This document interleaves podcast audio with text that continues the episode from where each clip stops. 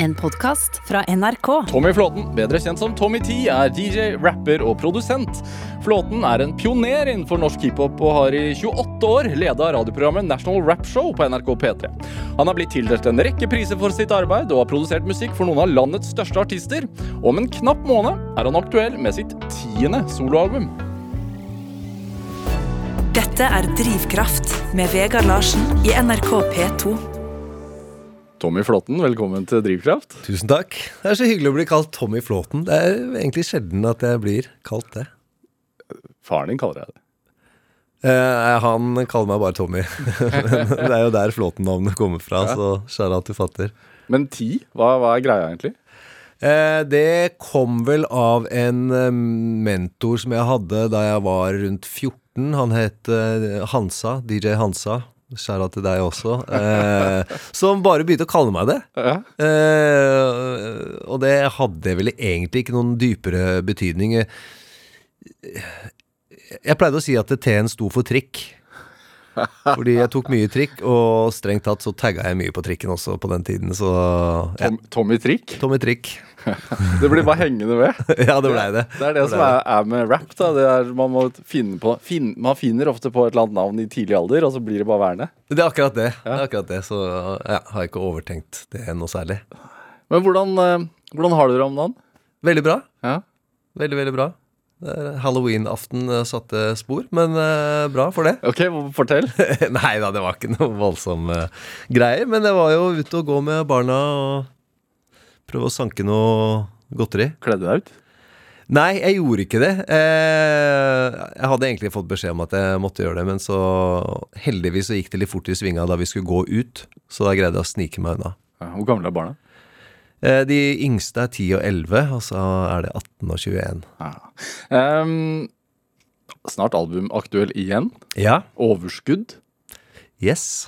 Er det en tittel med dobbelt mening, eller er det Hva, hva er grunnen? Ja, den er mange Minst trippel, vil jeg si. Ja. Uh, den ene er jo rent praktisk, at uh, låtene har, uh, er, var, er overskuddslåter. Det vil si låter som ikke er lagd til eh, det albumet her, eller noe annet album. Det er ikke lagd med noe annet i øyet enn at man skulle lage en fet låt.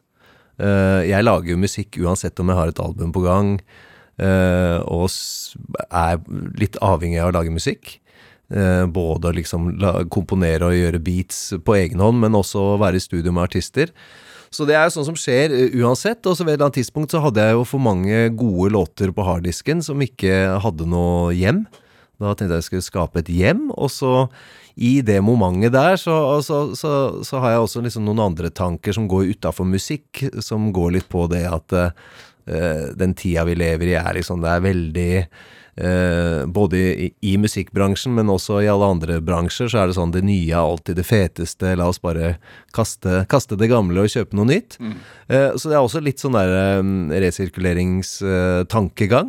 At det er liksom Finner du en fet, gammel stol på loftet, så er det ofte at den blir ganske mye fetere hvis du pusser opp den og maler den om, enn å gå på Ikea og kjøpe en ny billig stol som holder en, et år eller to eller tre. Driver du med sånt? Eh, ikke ta meg for bokstavelig på akkurat det der. For jeg er, ikke, jeg er ikke veldig på det. Men eh, jeg, jeg, jeg kan jo pusse opp en leilighet. Det kan jeg klare. Ja. Med litt hjelp, da, riktignok. Men eh, å male, det er jeg jo veldig kjent med.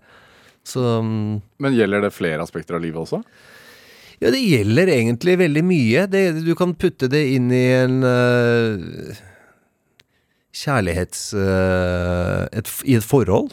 Det er veldig lett, kanskje etter noen år, og begynner å bli liksom litt mye rutiner og ting som sliter litt på forholdet, og vanskelig å liksom få gnisten inn der. Så er det lett å kanskje søke andre, andre steder. Se litt ut, og alt det nye er jo kjempespennende. Vi er, vi er jo litt sånn biologisk bygd sånn også. Eh, så innimellom så syns jeg kanskje man bør puste litt med magen og, ha, og prøve å holde på det man har. Se seg tilbake, liksom? Ja, se litt Altså ikke nødvendigvis ringe opp alle eksene dine, men nå, nå tenker jeg hvis du, hvis du er et eksisterende forhold, så tenker jeg at liksom man kan legge mye energi i å få det til å funke, kontra all den energien man må legge for å liksom få, finne noe annet. Ja. Er det Du er straks 50. Ja. måned unna, eller noe sånt. Noe sånt. Er det sånn visdom du har opparbeidet deg de, altså de senere år? Ja. Jeg har nok ikke alltid vært så vis, dessverre. jo, men er det litt Beklager sånn? alle berørte. Jo, fordi altså, når du har, du har levd et langt liv i musikken, Mm. og du har jo da fått det, det produseres mye musikk. Altså Definitivt. fryktelig mye musikk. Er det litt sånn også at du Det er ikke alltid det nye som er, som er det, det beste? Altså at det er lov å se tilbake i katalogen, og ting blir ikke utdatert selv om det er produsert for fem år siden. Jo, ja, akkurat det. Og det er litt det som slår meg hvis jeg tar en liten runde i harddisken. Hvis jeg kanskje ved annet, ved, av en eller annen annen grunn skal prøve å finne en eller annen låt, Ja. og, og så er det, som er litt gammel, og så går jeg tilbake i en gammel harddisk, og så finner jeg liksom andre, flere låter i samme momentet, og så kanskje vi hører litt på det hvis vi sitter i studio, noe, et par, par av oss, og oppdager at det her er jo fantastiske saker som ligger der. Kanskje det trenger en ny miks, eller kanskje vi skal legge på et tredje vers, eller kanskje vi skal gjøre om piano. Man kan liksom gjøre ting med det, men at eh, basisen i låta og følelsen den, den gir oss, den er ikke nødvendigvis noe dårligere enn det vi gjorde i forrige uke. Men den, du sa at du er nærmest avhengig av å lage musikk.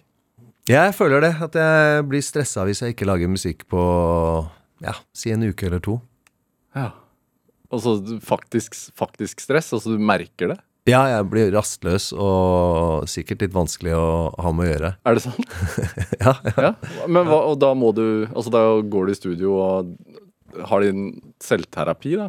Det er definitivt en terapi for meg. Enten om jeg sitter aleine eller øh, jobber øh, komposisjon med andre, eller om jeg sitter i studio og gjør låter med artister, så er det det er definitivt en sånn da, da er jeg hjemme, og da får jeg en eller annen ro tilbake. Ja. Hvor begynner en låt? Um, som oftest for meg begynner det vel med å spille noe melodisk. Og så begynner jeg å bygge som du spiller selv? som jeg spiller sjøl. På piano, eller? Det er en eller annen synt øh, Altså, det kan være egentlig ja, Nå har jeg spilt veldig mye piano de siste, faktisk. Det er et par øh, pianolåter også på skiva mi, tro det eller ei. Eh, veldig korte, men, men øh, bare piano. Eh, men det kan også være en eller annen synt. øh, en eller annen merkelig, rar lyd. Altså, ideen trenger ikke være komplisert, og den, det kan egentlig være hva som helst, med det som sparker, som gjør at det, man tenker 'Å, det her er en låt'. Ja. Altså, når jeg lager beats og låter, så er det sånn En ting er liksom korder, trommer, bass, det, det vanlige som er i en låt. Men jeg føler at en, en beat må alltid, eh, for å stikke seg ut, ha et eller annet annet element. Ja. Hva, hva kan det være?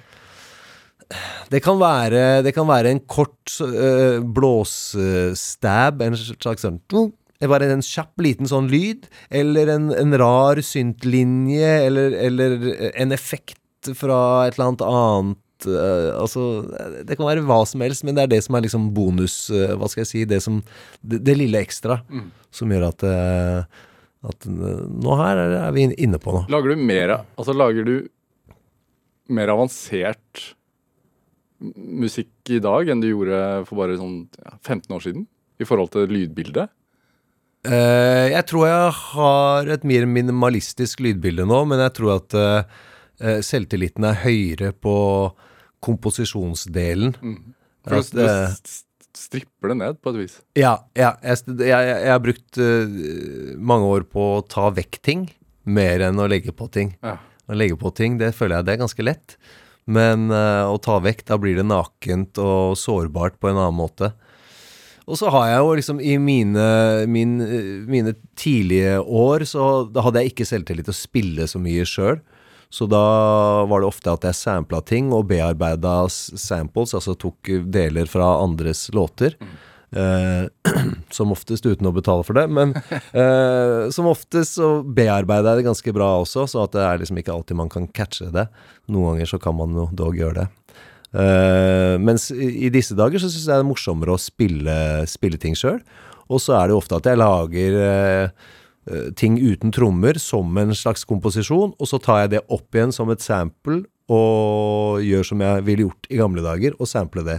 Ja, Du Forskjell. sampler deg selv på et vis. Ja, forskjellen er at nå har jeg lagd sampler sjøl. Gir det deg Det gir meg en bedre nattesøvn, fordi det er ingen som kan komme etter meg. Nei, men li, Liker du den musikken bedre, på et vis? Eh, Blir det ærligere? det, det blir nok mer Mer meg, på et eller annet vis. Det, det tror jeg. Ja. Jeg tror at det blir Ja, kanskje ærligere er et riktig ord. Jeg sy- syns vi skal høre um, singelen du har sluppet, eh, 'Toppform'. Bare for Ja. å høre hva du prater om. Ja, ja. Hva, hva, hva, hvordan vil du beskrive altså, musikken du har laget der? Eh, det er en uh, Ja, altså den biten, eller instrumentalen som ligger under der, den ble vel egentlig lagd i hui og hast før jeg skulle til Sverige for å spille inn et album som jeg ga ut i, i Sverige i 2018. Med Kenring? Uh, nei, med forskjellige. Ken var også med der, men det var forskjellige artister. Og da visste jeg jeg skulle ha, eh, ha session med et par artister som lefler litt med reggae, afrobeat, litt i den greia der. Så jeg tenkte ok, jeg må ha noe som er bitte litt opp tempo. Så jeg lagde bare et par-tre skisser veldig, veldig kjapt. Og to av dem ble brukt. Den her ble ikke brukt, men eh, den ble brukt litt seinere. Da jeg, var det Josef som, eh, fra Madcon som hørte den. La et vers på den eh, for et par år siden. Og så, noen uker etter, så kom eh, Jonas Benjob innom studio. Dette er jo folk som figurerer i studioet mitt eh, fra tid til annen. Uh, uten at vi nødvendigvis har noe sånn kjempe-grand plan med at de er innom. Så Jonas uh, kasta seg på der. Ja. Og så tredjemann Lars Vaular var innom noen måneder etterpå. Og hadde en session med han, og gjorde egentlig et par andre låter. Og så var det her en sånn tenkte jeg, Plutselig fikk jeg en lys idé sånn to-halv tre om natta der. fordi, fordi Lars er så on fire, så han skriver så fort, og det går unna. Vi har jo allerede gjort to låter. Så, så da kasta jeg den her på han, og han begynte å skrive veldig, veldig kjapt. Men er det sånn det ofte skjer? Ja, det er det, altså. Det er ikke alt, det er ikke tilfeldig, liksom. Det er ikke, vi, noen ganger har vi, en, har vi en liten plan om at vi skal gjøre ting, men jeg, jeg, jeg liker ikke liksom nødvendigvis å planlegge alt i detalj. Men jeg liker jo selvfølgelig å vite hvem jeg skal i studio med, når vi kan forvente at eh, den artisten er der. Og da er egentlig mye gjort. Men legger du noen føringer? Altså om tematikken de skal rappe om, eller er det Nei, veldig sjeldent. Det kan vel hende at jeg eh, underveis eh, kommer med ønsker, pointers eller ideer. Men det er, som oftest så er jeg ikke så involvert i tekstdelen av det. Det er kanskje Hvis jeg skal gjøre et helt uh, prosjekt med en eller annen, så kanskje vi har noen samtaler om det. Uh, og vi prater jeg, altså, det, det kommer an på. Du nevnte jo Ken Ring. Han er jo en sånn fyr som jeg ofte sitter og prater i to-tre timer før vi begynner å gjøre musikk. Vi skal bare catche opp, og vi begynner å, å, å prate om uh, livet og verden og osv. Og, og så blir det jo ofte musikk eh, som speiler litt av det vi har prata om. Mens på andre mennesker så er det ikke så mye eh, prat i det hele tatt. Noen ganger sitter jeg og lager beaten mens de sitter og skriver, og da har ikke jeg tid eller overskudd til å tenke, tenke på tekst i det hele tatt. Skal vi høre? Toppform? Ja. Let's go.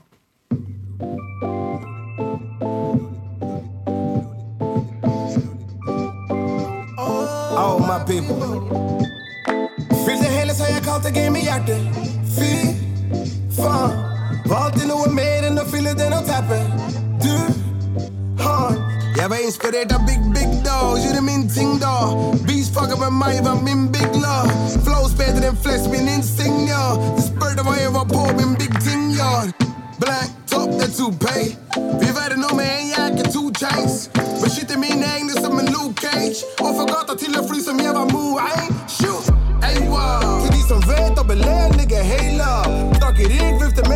med en flagg, heina. Alle vil med putten gjøre en gang. Let me live. Put no respect, men han er mitt ikke lek. Anerkjenn distansen, digger, men ikke pek. Om vi puller opp en mål, skal dele, vi hapatek. Jeg vil alltid være kjekk now. Yeah. Jeg så hun, hun så ut som en ung hengst. Hoppet opp i sadelen med et dumt frisk. Det er ikke så alvorlig, det det er ikke stor risk, eller det er stort, da plutselig får du stor fisk.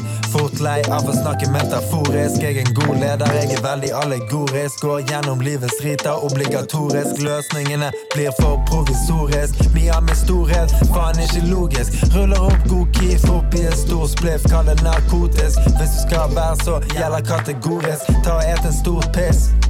Stor pikk i en stor bitch. Jeg er i the matrix, det er en svær glitch. Jeg har alltid hatt game, dette her Twitch. Noe for enhver smak, det, dette her twist. Big bad bakdel og noe svær bryst. Jeg har dysleksi og har sexlyst. Får bitchen til å sveve som eksorsisten. Ikke vær så pessimistisk. Tid og penger, livet er hektisk. Jeg er en slikkis, min smak eklektisk. Kanskje estetisk, men aldri etisk. Damen er sassy, trofast som Lassie. Satt spor i snøen, litt som en yeti. Har kraften som Yoda, helt fra en baby. Ble sendt til seters, gikk ned i kjelleren som noen poteter. lærte poteter. godt eller bli spist. Tror du vi åter mens jeg blir statsminister. Går med hodet høyt som jeg har neseblod. Det gamet her er vårt som en hestehov. Jeg dekster i labben for jeg er nerd. De, de vet ikke hvordan bli basøl. De, de lyver for å passe inn. Vi, vi, vi er ikke samme klassetrinn. Oppi ti som om jeg er født her. Ingen gir meg hva som jeg er døpt her. Passer på meg godt, tror jeg er støpt her. Jigga sa det finnes ikke luft her. Enten gjør det sjæl eller flytt her. Hører folka si mitt navn, men har ikke møtt meg. Shablo, shablo.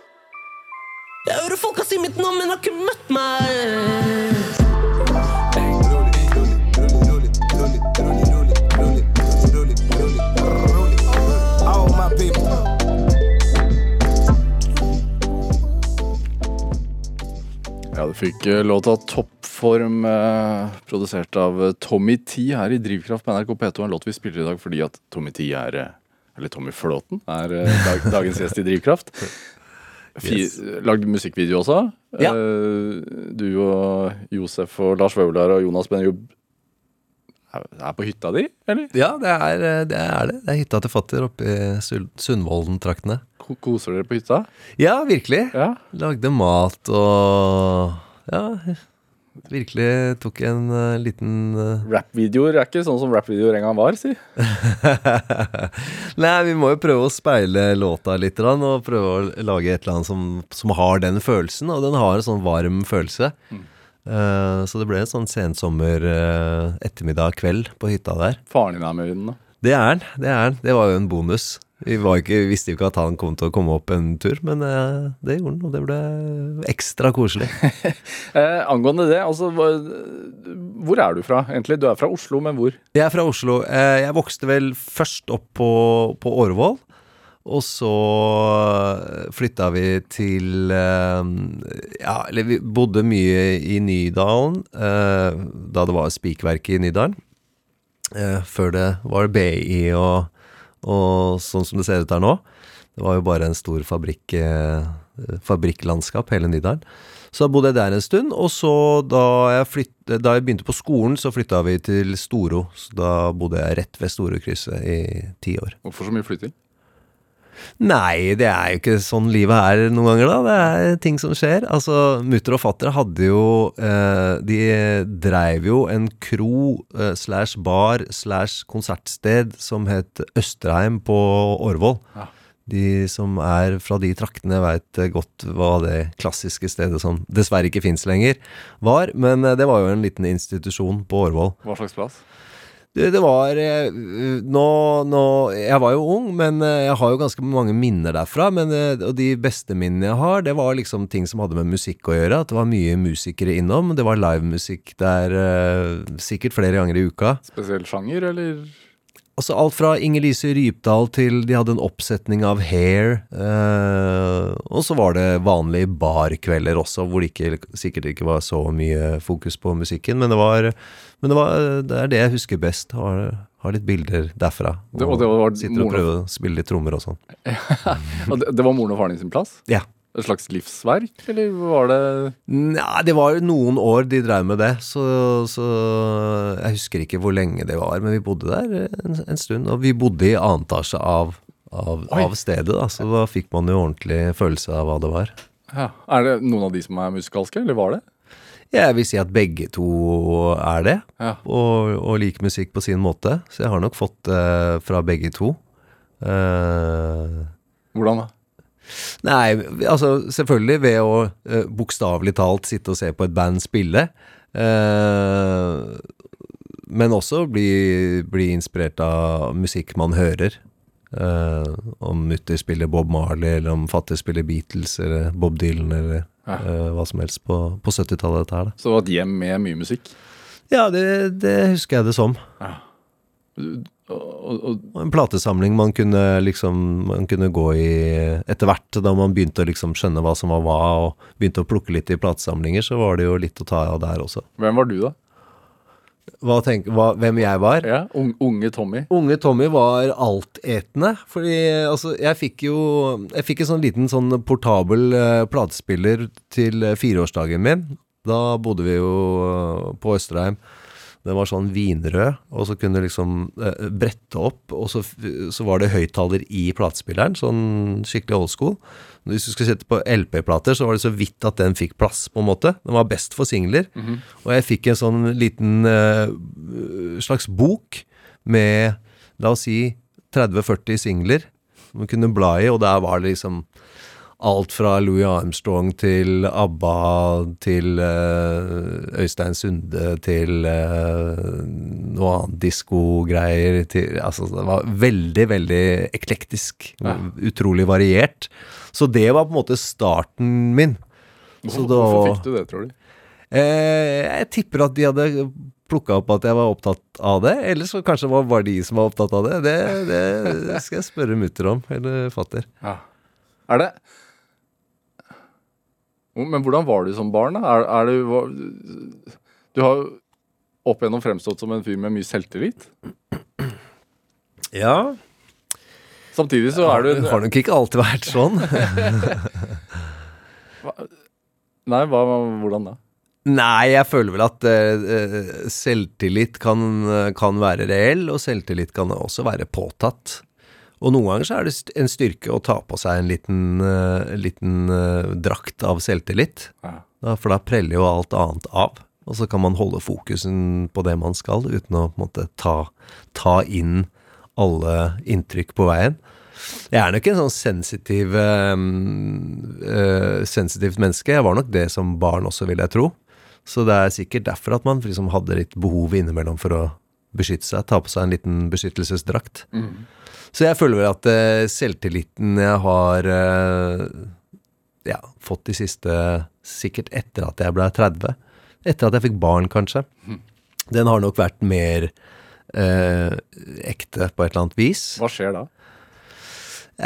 Det er ikke så lett å sette fingeren på det, men det er vel en utrolig gradvis sak. Jeg må jo si at jeg, jeg Det var ikke sånn at jeg fikk én unge, og så, så ble jeg sånn som jeg er i dag. Jeg føler at det, det, det er eh, Ting, man får litt perspektiv på altså Bare for å snakke for meg selv altså får man litt perspektiv på ting. Ting er ikke så farlig lenger, kanskje. Ja, Fordi at man får andre fokus. Det er kanskje det. Så alt eh, står ikke og faller ikke på liksom egen, eh, egen karriere eller altså sånn. Det å være i musikkbransjen er jo også ganske sånn Hva skal jeg si, man er ganske utsatt. Alt eh, og, og har lett for å bli utrolig selvsentrert. Alt eh, skal liksom spinne rundt en selv. Selv om jeg er jo produsent og, og, og egentlig produserer andre artister, så er jeg jo også artist sjøl og, og har liksom den balansegangen. Så, så det er veldig sunt å få, å få barn, og blir man liksom tvunget ut i en annen type virkelighet og et annet perspektiv, og det er andre ting som egentlig betyr noe. Eh, og, så tror man at man har lært alt, så får man et barn til, og så er det Så har man, uh, skjønner man at det er mye igjen å lære, og så får man enda et til, og kanskje enda et til. Og det, er, det, er, det, det forandrer seg hele, hele veien. Jeg eh, er vel Jeg håper at jeg er en, i forandring hele veien. Jeg føler at jeg forandrer meg som person uh, hele tiden, egentlig. Ja. Eh, jeg håper ikke jeg slutter med det. Når fikk barna dine platespiller? Eh, de fikk tilgang til en platespiller ganske tidlig, men uh, de knakk stiften ganske kjapt. Og da den tilgangen forsvant, da, for, da, det er livets realitet. Da var det over på telefonen istedenfor. Jeg må få tilbake den platespilleren. Det er bra du minte meg på det. Eh, den- den Men var du tilbake. sø søkende som ung? Uh, ja, det tror jeg. Det tror jeg. Eh, uten at jeg kan eh, komme med noen sånne kjempegode eksempler på hvordan eh, jeg var søkende. Men eh, ved et altså, ved ganske tidlig skolealder så, så, så ble foreldrene mine skilt også, og da var det enda mer flytting. Altså det vil si, jeg, jeg bodde jo på, på Storo da. Men, eh, men fatter eh, bodde forskjellige steder, og stort sett utafor byen. Så da fikk jeg jo en annen type erfaring også, på liksom på å oppleve nye steder, sånn ved Jessheim, eh, oppe i Filefjelltraktene, Tynkrysset. Eh, altså rundt omkring Der måtte man jo liksom hva skal jeg si, håndtere andre typer situasjoner enn jeg var vant til fra byen. Som for eksempel? Nei, altså være bygutt i, på bondelandet, det, det, det kan både være veldig kult og ikke så kult. Og hvordan var det for deg? Nei, det var en bra blanding. Det, som oftest så er det sånn øh, Den øh, Til å begynne med så er det ofte ikke kult. Da, da er man øh, Har ikke noen venner i starten? Ingen venner, alle syns du er ikke noe kul, du er han fra byen. Og da, da er det ofte at jeg kanskje reagerte med å gjøre ting jeg ikke skulle gjøre, på en måte. At man utagerer på et eller annet, på et eller annet vis. Om det er noe om det er noe knusende ruter, eller om det er noe plukke noen fights, eller om det er noe eh, Litt senere, da jeg ble liksom 12-13, da var det spraybokser involvert, og da, da var det jo naturlig å ta runden. Og det å være graffiti-writer på Tynkrysset, det er ikke det samme som å være det i Oslo. Det er ikke så lett å gjemme seg bort, så der tar det liksom åtte timer, og så har du blitt ferska for det. Ikke ferska, men tatt for det. For du, man, du er den For alle skjønner at det, det, det må være han, han Det er jo sønnen til Tore det, som har gjort det. Men sånn så. Jeg Men så snur det, da. Jeg må eh, eh, få med det også. ja. For ikke bare male liksom eh, et mørkt bilde. Så snur det ganske fort. Og så blir man kjent med én person på det stedet. Og da snur det. Da er det et slags motsatt. Helt omvendt. Da er man den kuleste der. Iallfall for en liten stund. Da, da får man på en måte Da kommer tvilen tiltatt til, til gode. Da, si. Da, da er det omvendt. Var du eh, Har du alltid vært liksom kjapp i kjeften, holdt jeg på å si? uh, jeg, jeg, jeg ville tro det. Jeg, jeg husker i hvert fall at jeg prata mye uh, i klasserommet. Det var nok en del lærere der som syntes det var litt i overkant å stille spørsmål ved veldig mye. Sånn, hvorfor er det hvor, ja, det er greit at det er sånn, men hvorfor er det sånn? Hvordan ble det sånn? Ja, så jeg har nok vært litt sånn Og, og til tider så blir man jo sett på som eh, litt sånn kverulant også. Og til tider så er jeg nok det også. Jeg skal være helt ærlig. Men sånn identitetsbygging og sånn, fordi du fant jo eh, en identitet innenfor en uh, subkultur, da. Mm. Som jo hiphop var på den tiden ganske tidlig. Ja, altså, jeg fant, eh, jeg fant eh, den kulturen da den kom til Norge. Og da var jo ikke det nødvendigvis en subkultur, men den kom jo litt som en trend. Den kom jo liksom skyllende over hele, hele Europa, eller hele den vestlige verden, sånn rundt 84-85 der. Så kom det jo en del filmer, det kom en del musikk. Eh, så, da, så da tok jeg tak i den, syntes det var kjempestas. Eh, For da kunne man ikke unngå altså, å få det inn i, gjennom NRK og diverse blader. Ja, ja, det var, det var breakdance-kurs i VG, liksom. Ja. Hver dag en hel sommer. Altså, det er bare et eksempel. Det var is, breakdance-is. Mm. Uh, alt, alt var breakdance, uh, særlig, men også hiphop og rappmusikk. Så det, var jo, det, var jo, det ble jo så stort at det var umulig å liksom ikke få det med seg. Alle i gåsehendene var på Karl Johan på, på lørdagen og, og breaka på på en liten sånn papp, eh, pappeske. Eh, så da var det jo vel uunngåelig, da, i etterkant så ser man jo det, at det her måtte jo krasje ved et eller annet tidspunkt. Så i 1986 så var, eh, da var alt det her ut. Da var det sånn Nei, driver du med det enda? du Og det var- gjorde jeg jo. Ja, ja, da, var du, da var du 15 år. Da var jeg 15, og da var jeg liksom og, og, hele den generasjonen som, var, som jeg var en del av da, da var vi liksom så godt i gang. At hei, skal vi slutte nå? Hvorfor skal vi slutte? Det er jo fortsatt Kommer det ny fet musikk? Og nå begynte vi jo liksom å få en dypere på en måte eh, understanding, eh, litt mer sånn ordentlig forståelse av hva kulturen var, hvor den kom fra, hva det innebar. Eh, og det var jo da det begynte å bli gøy. Hvor viktig er det nerdeaspektet? Eh, jo, det er kjempeviktig. Eh, altså, for meg så er det å, å, å nerde på ting, det er jo rett og slett å gå i dybden. Altså, man kan jo løpe rundt og være overfladisk og kjempekul hele livet, liksom, men eh, jeg setter jo pris på folk som kan nerde litt, eh, uansett. Altså, hvis, for å ta mine egne barn, liksom, uansett hva de vil drive med, hvis det er et eller annet de er hypp på å gå i dybden på, så er det det viktigste, syns jeg. Hvorfor det? Jo, fordi at det, det, det, er utrolig sunt å kunne interessere seg for et eller annet, og ha liksom pasjon for, for et eller annet, nok til at du har lyst til å lære mer, mer om det. Du har kanskje lyst til å Eller du får nye ideer bare av å lære, lære om ting også, ikke sant? Da kommer liksom nye, nye tanker. Etter hvert kan du begynne å tilføre den greia som du er interessert i, kan du begynne å tilføre den ting også. Lage din egen vri på ting.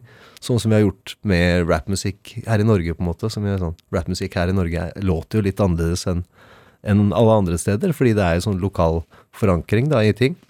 Kan man, går det an å beskrive forskjellen? Nei, det er ikke så lett. Eh, Det er jo naturligvis språket, og rappmusikk består jo i stor grad av språk. Så man kan jo si at det liksom Nå er jo verden har blitt så liten, og mer og mer lik seg sjøl, holdt jeg på å si. Nyansene har blitt mindre. Eh, så, så, men da Og det følger jo litt musikken også, jeg må jo si det. Altså, det er ikke som det har blitt, lik, det har blitt, det har blitt likere, rett og slett? Ja, O- litt- over hele linja? Litt, litt likere. Ja. Men uh, det, det På 90-tallet så var det jo ikke sånn, for eksempel. Nei, ikke helt, men vi så jo fortsatt i New York, liksom. Eller noen så til LA, og andre så til Houston.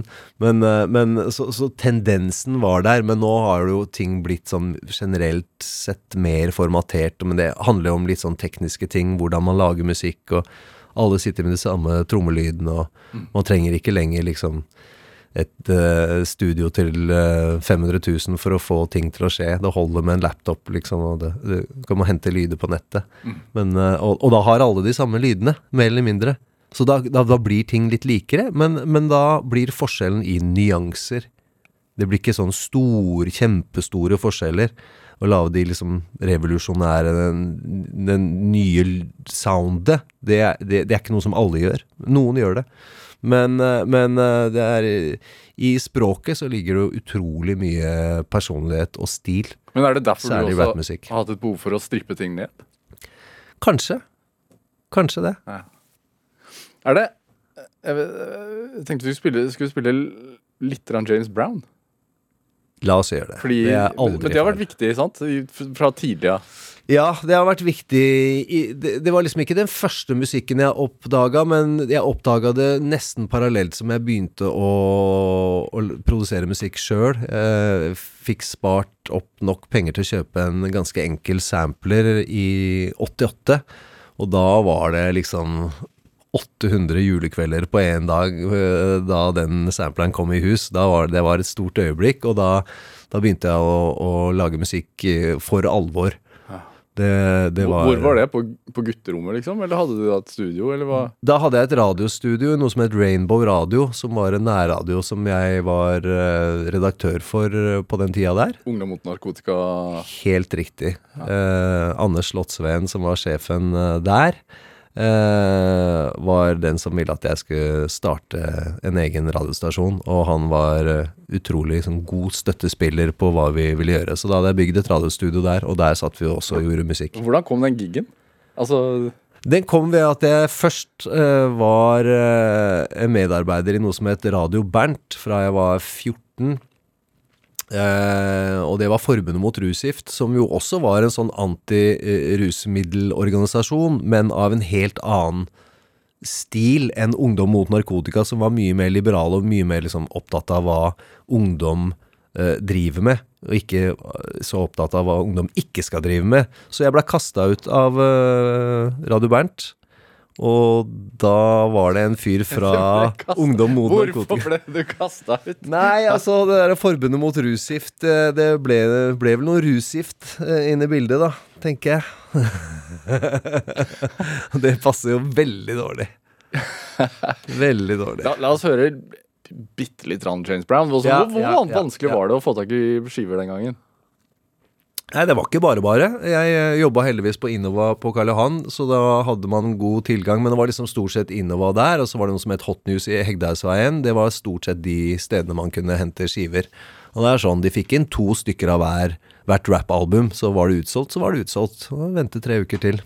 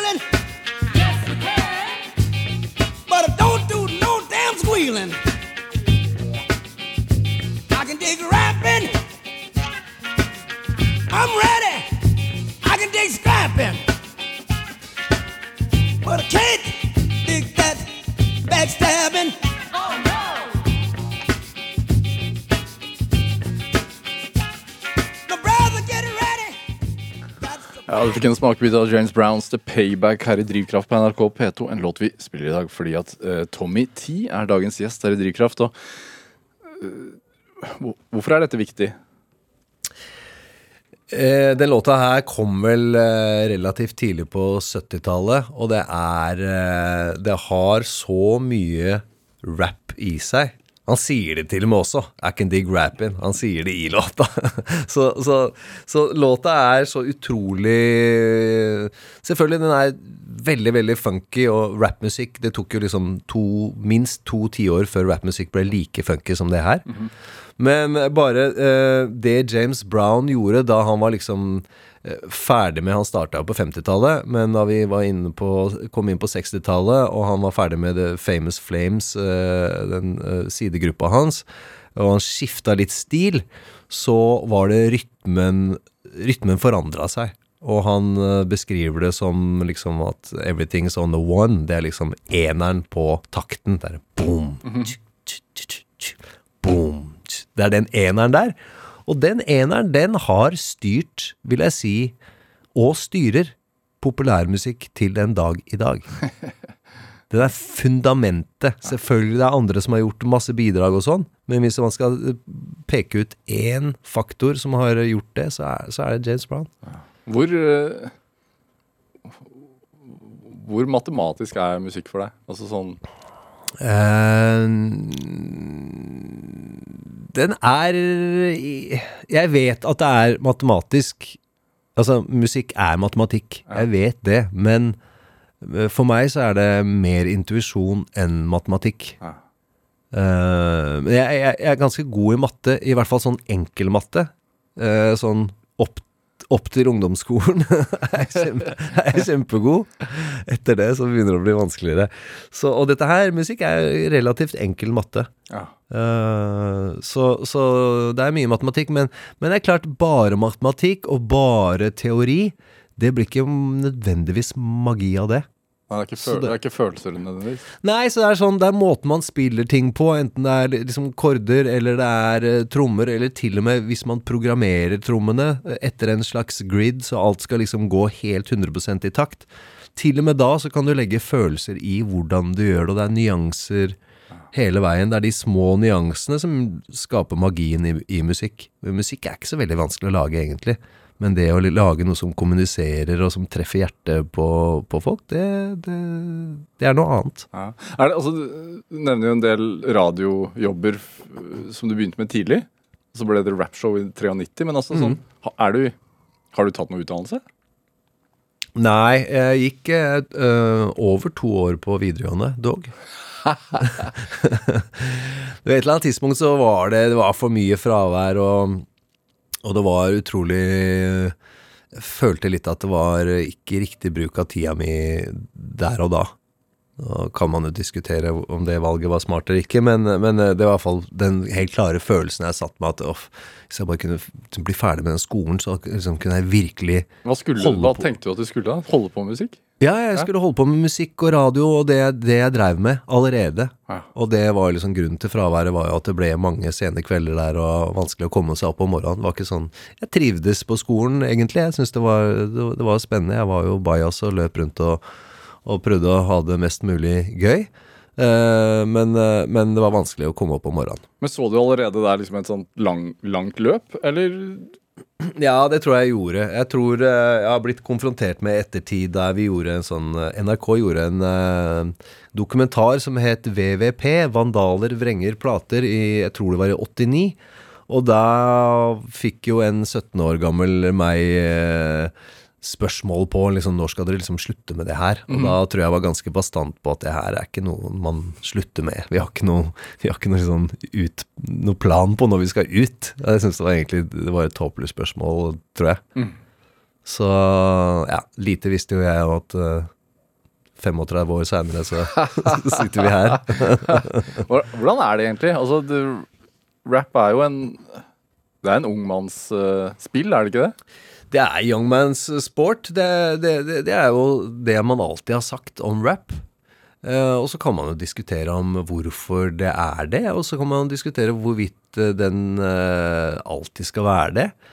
Eh, jeg tror at liksom mye av grunnen til at man kaller det det, er fordi det er en ung kultur. Det er jo først nå at liksom de aller første legendene, eh, som liksom Grandmaster Cass og Melly Mel og, og, og de som hadde de, den tidlige 80-talls og slutten av 70-talls rappmusikken, de begynner å bli 60 nå. Så det er klart, vi har ikke sett eh, vi har ikke sett folk bli voksne og gamle i den musikken her tidligere. Så Men- det, det kommer først nå. Men hvordan utvikler det seg? Altså, jeg tenker sånn Noen av de største, altså JC eksempel. Altså, der folk begynner jo å bli trekke på åra. Ja, JC er vel 54 eller noe sånt, tror jeg. Hører du at musikken lages av godt voksne? Ja, men framfor alt så hører jeg vel at JCs musikk lages av JC.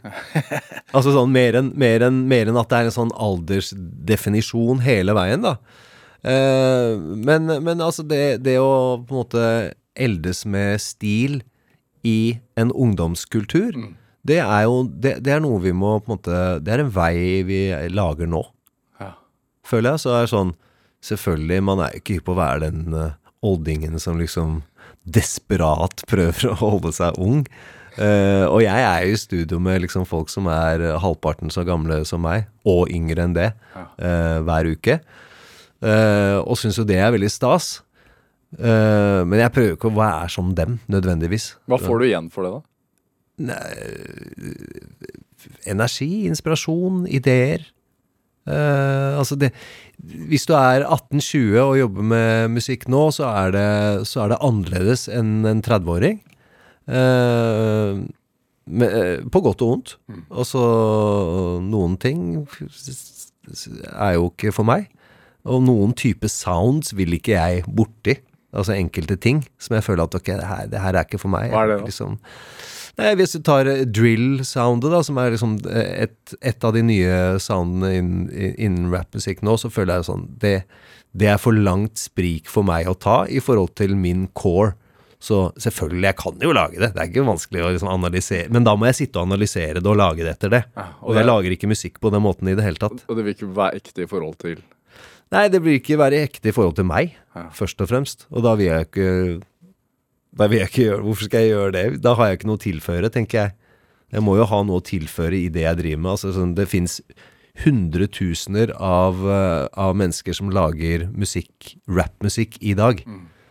Da må jeg liksom tenke, liksom, hvis jeg skal lage en beat Trenger verden den låta her?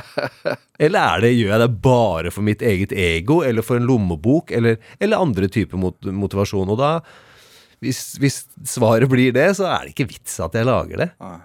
Tenker du over at for yngre artister, altså yngre artister som kommer til uh, T-production, altså platestudioet ditt, da Mm. Så altså du Hvor gammel var du? da? 25 år eller noe sånt? Så da du dro til DND Studios i, i New York første gang. Mm. Hvordan var den opplevelsen for deg? Nei, det var fantastisk eh, tid. Jeg hadde akkurat eh, produsert mitt første album eh, på eh, eh, oppdrag av EMI, eller oppdrag og oppdrag. Det var jo jeg som på en måte hadde funnet artisten, men det var de som betalte for det. Og det var Helene Eriksen. Det var egentlig et rap Nei, et jazz slash hiphop slash trip-hop, hva nå enn man kalte det på 90-tallet. Et så liten hybridalbum. Fantastiske greier. Eh, og da fikk jeg muligheten til å dra til, til, til New York, til Mekka, hvor jeg hadde vært tidligere, men da kun som graffitimaler. Og nå skal jeg tilbake og være produsent. Og ta, ha med meg liksom en bunke med sånne svære totoms teiper eh, som veier ni kilo og inneholder tre låter. Så jeg hadde en del av de i kofferten der, og dro til et proffstudio, samme studio som liksom eh, spilte som Gangstar var der, MOP, KRS-One Altså alle de store i gåseøynene på 90-tallet var innom DND, JC, Nas, alle sammen.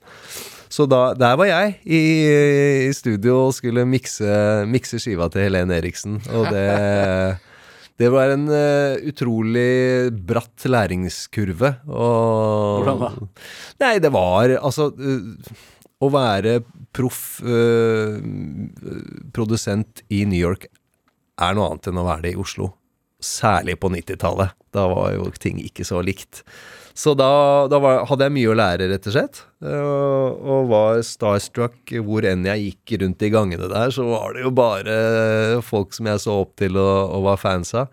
Eller var fan av. Så, så det, var, det var veldig stort, men eh, utrolig lærerikt. Og det endte jo med at jeg var fram og tilbake til New York et par ganger i året, eller, eller noe sånt, i, i ja, fram til den dag i dag, før covid. Hvor mye har det å si, tror du, for oppturen til eh, norsk rap på, på 90-tallet?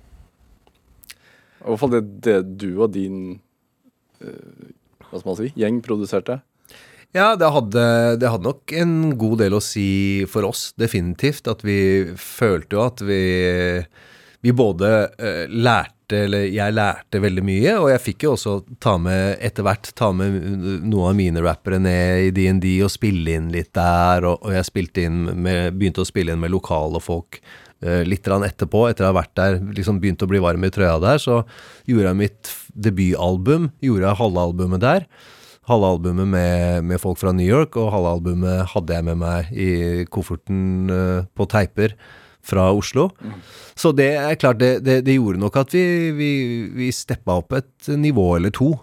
Uh, og fikk eh, ganske god drahjelp der, og etter hvert fikk vi også oppmerksomhet av media i, i statene, om det var Billboard og The Source og de magasinene etter hvert. Så, så det, var, det var en veldig bra, bra greie, både for oss og for, norsk rappmusikk, vil jeg tro. Tok du med deg noen strategier hjem, liksom? Ja, helt sikkert. Uten at jeg på en måte skrev det ned i en bok, så, så, så var det nok eh, jeg, jeg- tror det prega hele meg og hele måten vi jobba på. Er, altså sånn øh, Du har produsert masse musikk, men du har også formidlet masse musikk. Mm. Uh, og har jo æren f.eks. For, for at jeg begynte å like rap uh, pga. rapshow på NRK P3. Mm. Uh, for det var ikke så mange som spilte rap. Uh, hvor viktig har det vært? Altså at du kunne introdusere øh, musikk man ellers ikke fikk tak i, til et norsk publikum? Nei, det var eh, utrolig stas i 93 når vi starta National Rap Show, og, og, og da uten at vi, vi det, det var vel bare litt underliggende, det som du sier nå, at uh, man, man kunne ikke oppdage rappmusikk på så mange uh, måter, og særlig hvis man ikke bodde i en by som hadde en bra platebutikk, eh, så, så, så var det nesten umulig. Og det å da få to timer som det var da, eh, med ferske og klassiske ting eh, og kuratert eh, på radioen, det var jo Det er mange som har beskrevet det som en utrolig luksus og en, en, en fin greie. Som, ja, som det ikke var. Det, var. det var ikke noen andre kanaler. Det var jo en TV Raps hvis du hadde MTV. Hvordan, hvordan, føl, altså, hvordan merket du det selv, den posisjonen? Eh, jeg merka det vel Jeg vet ikke. Det, det, det var både på godt og vondt, egentlig. Det, det, var, var også, det, fulgte også noen, eh, noen ting med der som var litt sånn utfordrende. Eh, og det endte jo med at jeg ble, jeg ble jo kasta ut av kanalen i noen få uker også. Spilte egen, egne artister? Jeg spilte, ja, jeg spilte Warlocks med flashbacks, fordi jeg, jeg tenkte Jeg, jeg syns jo at det Altså, for meg, så det med å eh, prate om å være inhabil, og det å ikke ha kredibilitet, det var ikke, det var ikke en tanke i mitt hode.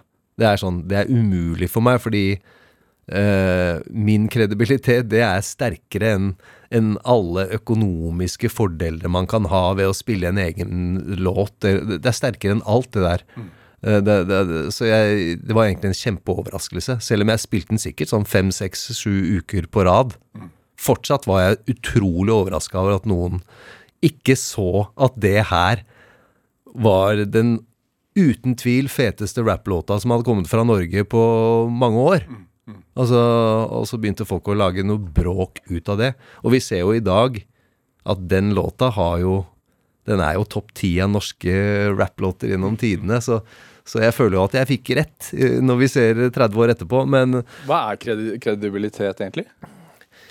Kredibilitet for meg, det er vel at man, man står for et eller annet over lengre tid. At man har en del prinsipper som man ikke rikker på. Eh, det som er vanlig innen musikk, er jo liksom at prinsippene løper eh, løpsk hvis det kommer mye penger inn i bildet, f.eks. Eller andre type, type motivasjoner, men ofte så er det jo penger som, som ødelegger de prinsippene. Så hvis man greier, greier å si nei til litt penger på veien, så tror jeg det er lettere å måte holde prinsippene litt mer i sjakk, og, og holde kredibiliteten høy. Det har vært viktig hele veien. Ja, det, det, det, det er viktig i livet. Det er viktig i hiphopkultur, men det, er viktigst i livet. Hvordan da? Å holde på prinsipper, ting Altså sånn å, å være Å ha en del Å ha en eh, slags eh, Et fundament som person, og klare å holde på det eh, med sånn mer Å tenke mer langsiktig enn kortsiktig. Altså å ikke ta alle fristelser som kommer på veien. Det, det tror jeg er en kjempestyrke. Ikke det at jeg har øh, mestra livet på, på, på alle måter. Men, men øh, det der er utrolig viktig. Fins det kredibilitet i, i hiphop i dag? Ja, det er klart. Det fins kredibilitet overalt, i alle aspekter av livet. Absolutt alle. Det er ikke, en- en hiphop-greie, det der. Det er livs, livsgreie, det. Ja. Sta? Hvor sta er du? Jeg er ganske sta. Det, det er jeg. Det er jeg.